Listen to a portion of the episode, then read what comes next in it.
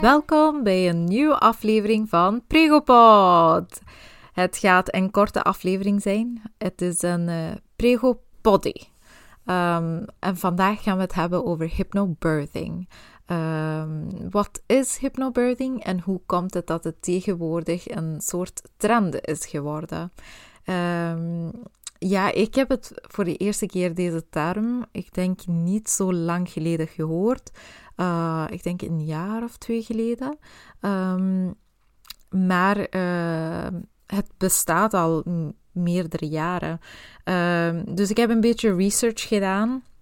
En uh, laat ons starten met de definitie van hypnobirthing. Deze heb ik van de website thehypnobirthingassociation.com genomen. Hypnobirthing is een natuurlijke bevallingsmethode. Het is een geboortetechniek waarbij diepe ademhaling, ontspanning, visualisatie en zelfhypnose wordt gecombineerd. Hierdoor kan je op een pijnloze, rustige en ontspannen manier bevallen. Dat klinkt fantastisch, toch? Maar ik kan me voorstellen dat veel mama's twijfelachtig luisteren op dit moment. Um, het is geen hocus pocus. Het is ook niet de type hypnose dat je op tv ziet.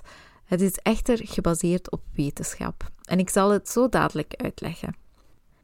Bij ontspanning komen endorfines in je lichaam vrij, die zelfs sterker zijn dan morfine.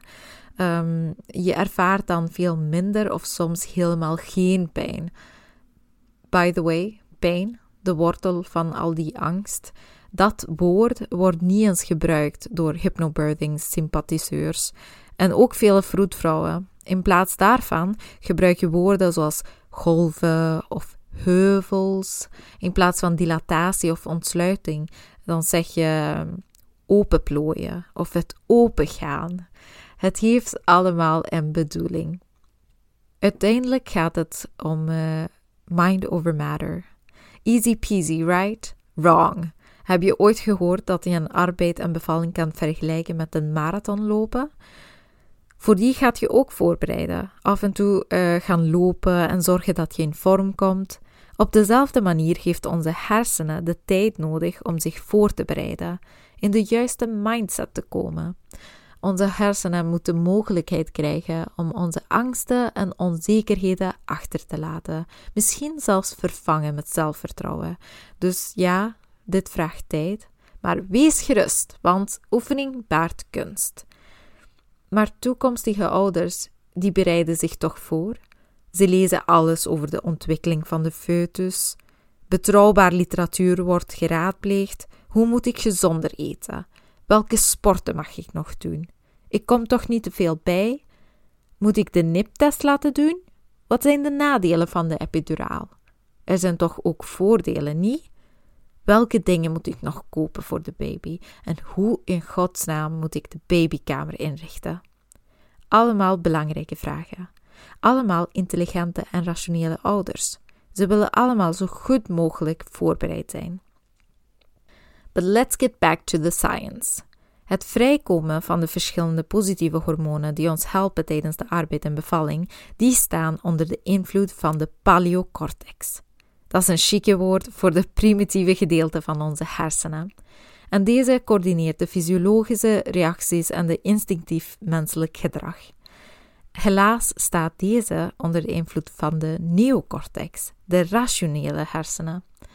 Bij de mens is de neocortex supersterk ontwikkeld. En prikkeling hiervan kan leiden tot te veel adrenaline, dat op zijn beurt het geboorteproces kan belemmeren. Om een onverstoord en natuurlijk paringsproces te bevorderen, is het superbelangrijk om de neocortex zo weinig mogelijk te activeren. Een snelle opsomming. Activatie paleocortex, goed. Activatie neocortex, niet goed. Um, dus ja, we kunnen ons goed, goed, goed voorbereiden. We kunnen alles lezen. We kunnen het proces van de bevalling en de arbeid helemaal goed begrijpen. Maar uiteindelijk moeten wij instinctief reageren. Um, rationaliteit, dat gaat ons op dat moment niet zoveel helpen. Um, en eigenlijk gaat het, uh, het vrijkomen van de juiste hormonen een beetje um, ja, negatief beïnvloeden. Dus wat zijn die uh, factoren die uh, onze rationele hersenen stimuleren? Ten eerste, te fel licht. Het eerste wat ik doe als ik een kamer binnen ga met de, met de koppel, ik, doe, ik dim de lichten. En zeker als het, uh, als het s'avonds is of in de nacht. Um, dat is heel belangrijk. Uh, een warme kamer is heel belangrijk. Dus koude gaat de rationele hersenen stimuleren. Honger is slecht. Angst is super slecht.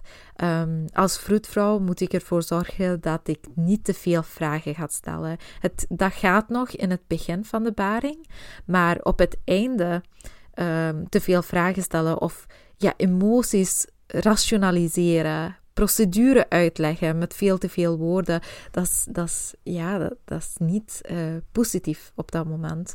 En wat kunnen we in plaats daarvan doen? Gewoon actief luisteren, empathisch nabij zijn, ook in stilte, is heel belangrijk.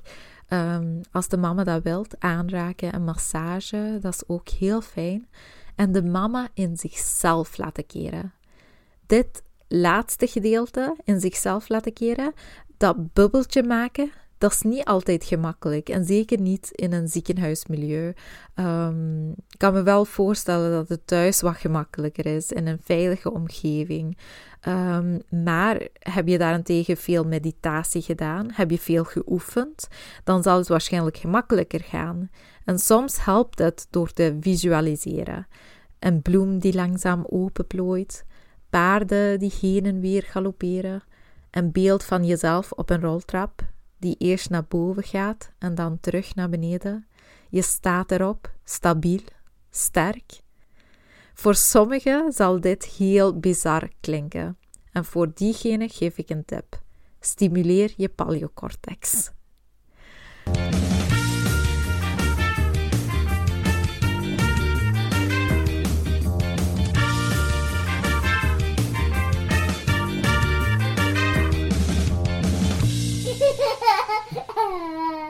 Als je pijn verwacht, gaat je ook pijn hebben.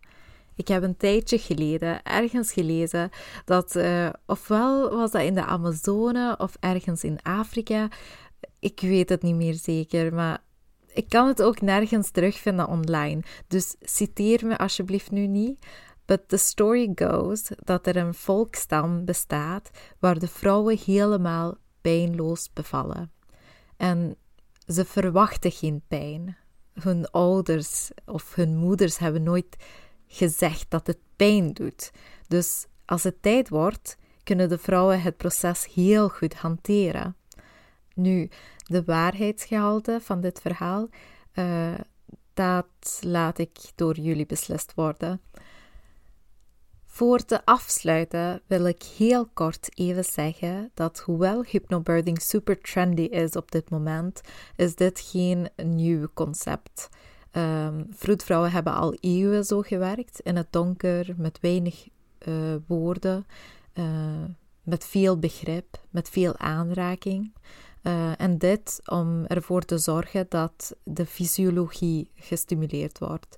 En ook mama's, uh, het zij gebeden, het zij uh, de Koran lezen um, of ja, meditatie of yoga of wat dan nu ook. Um, die hebben dat al, al eeuwen uh, gebruikt. Um, en het is pas nu, de laatste tiental jaren, dat het heel gemedicaliseerd is geworden. Um, dus dit is geen nieuw concept om terug naar de natuurlijke manier te gaan. Um, en ten tweede, als dit interessant klinkt, er zijn superleuke hypnobirthing lessen die je kan volgen, waar je technieken en zo kan aanleren.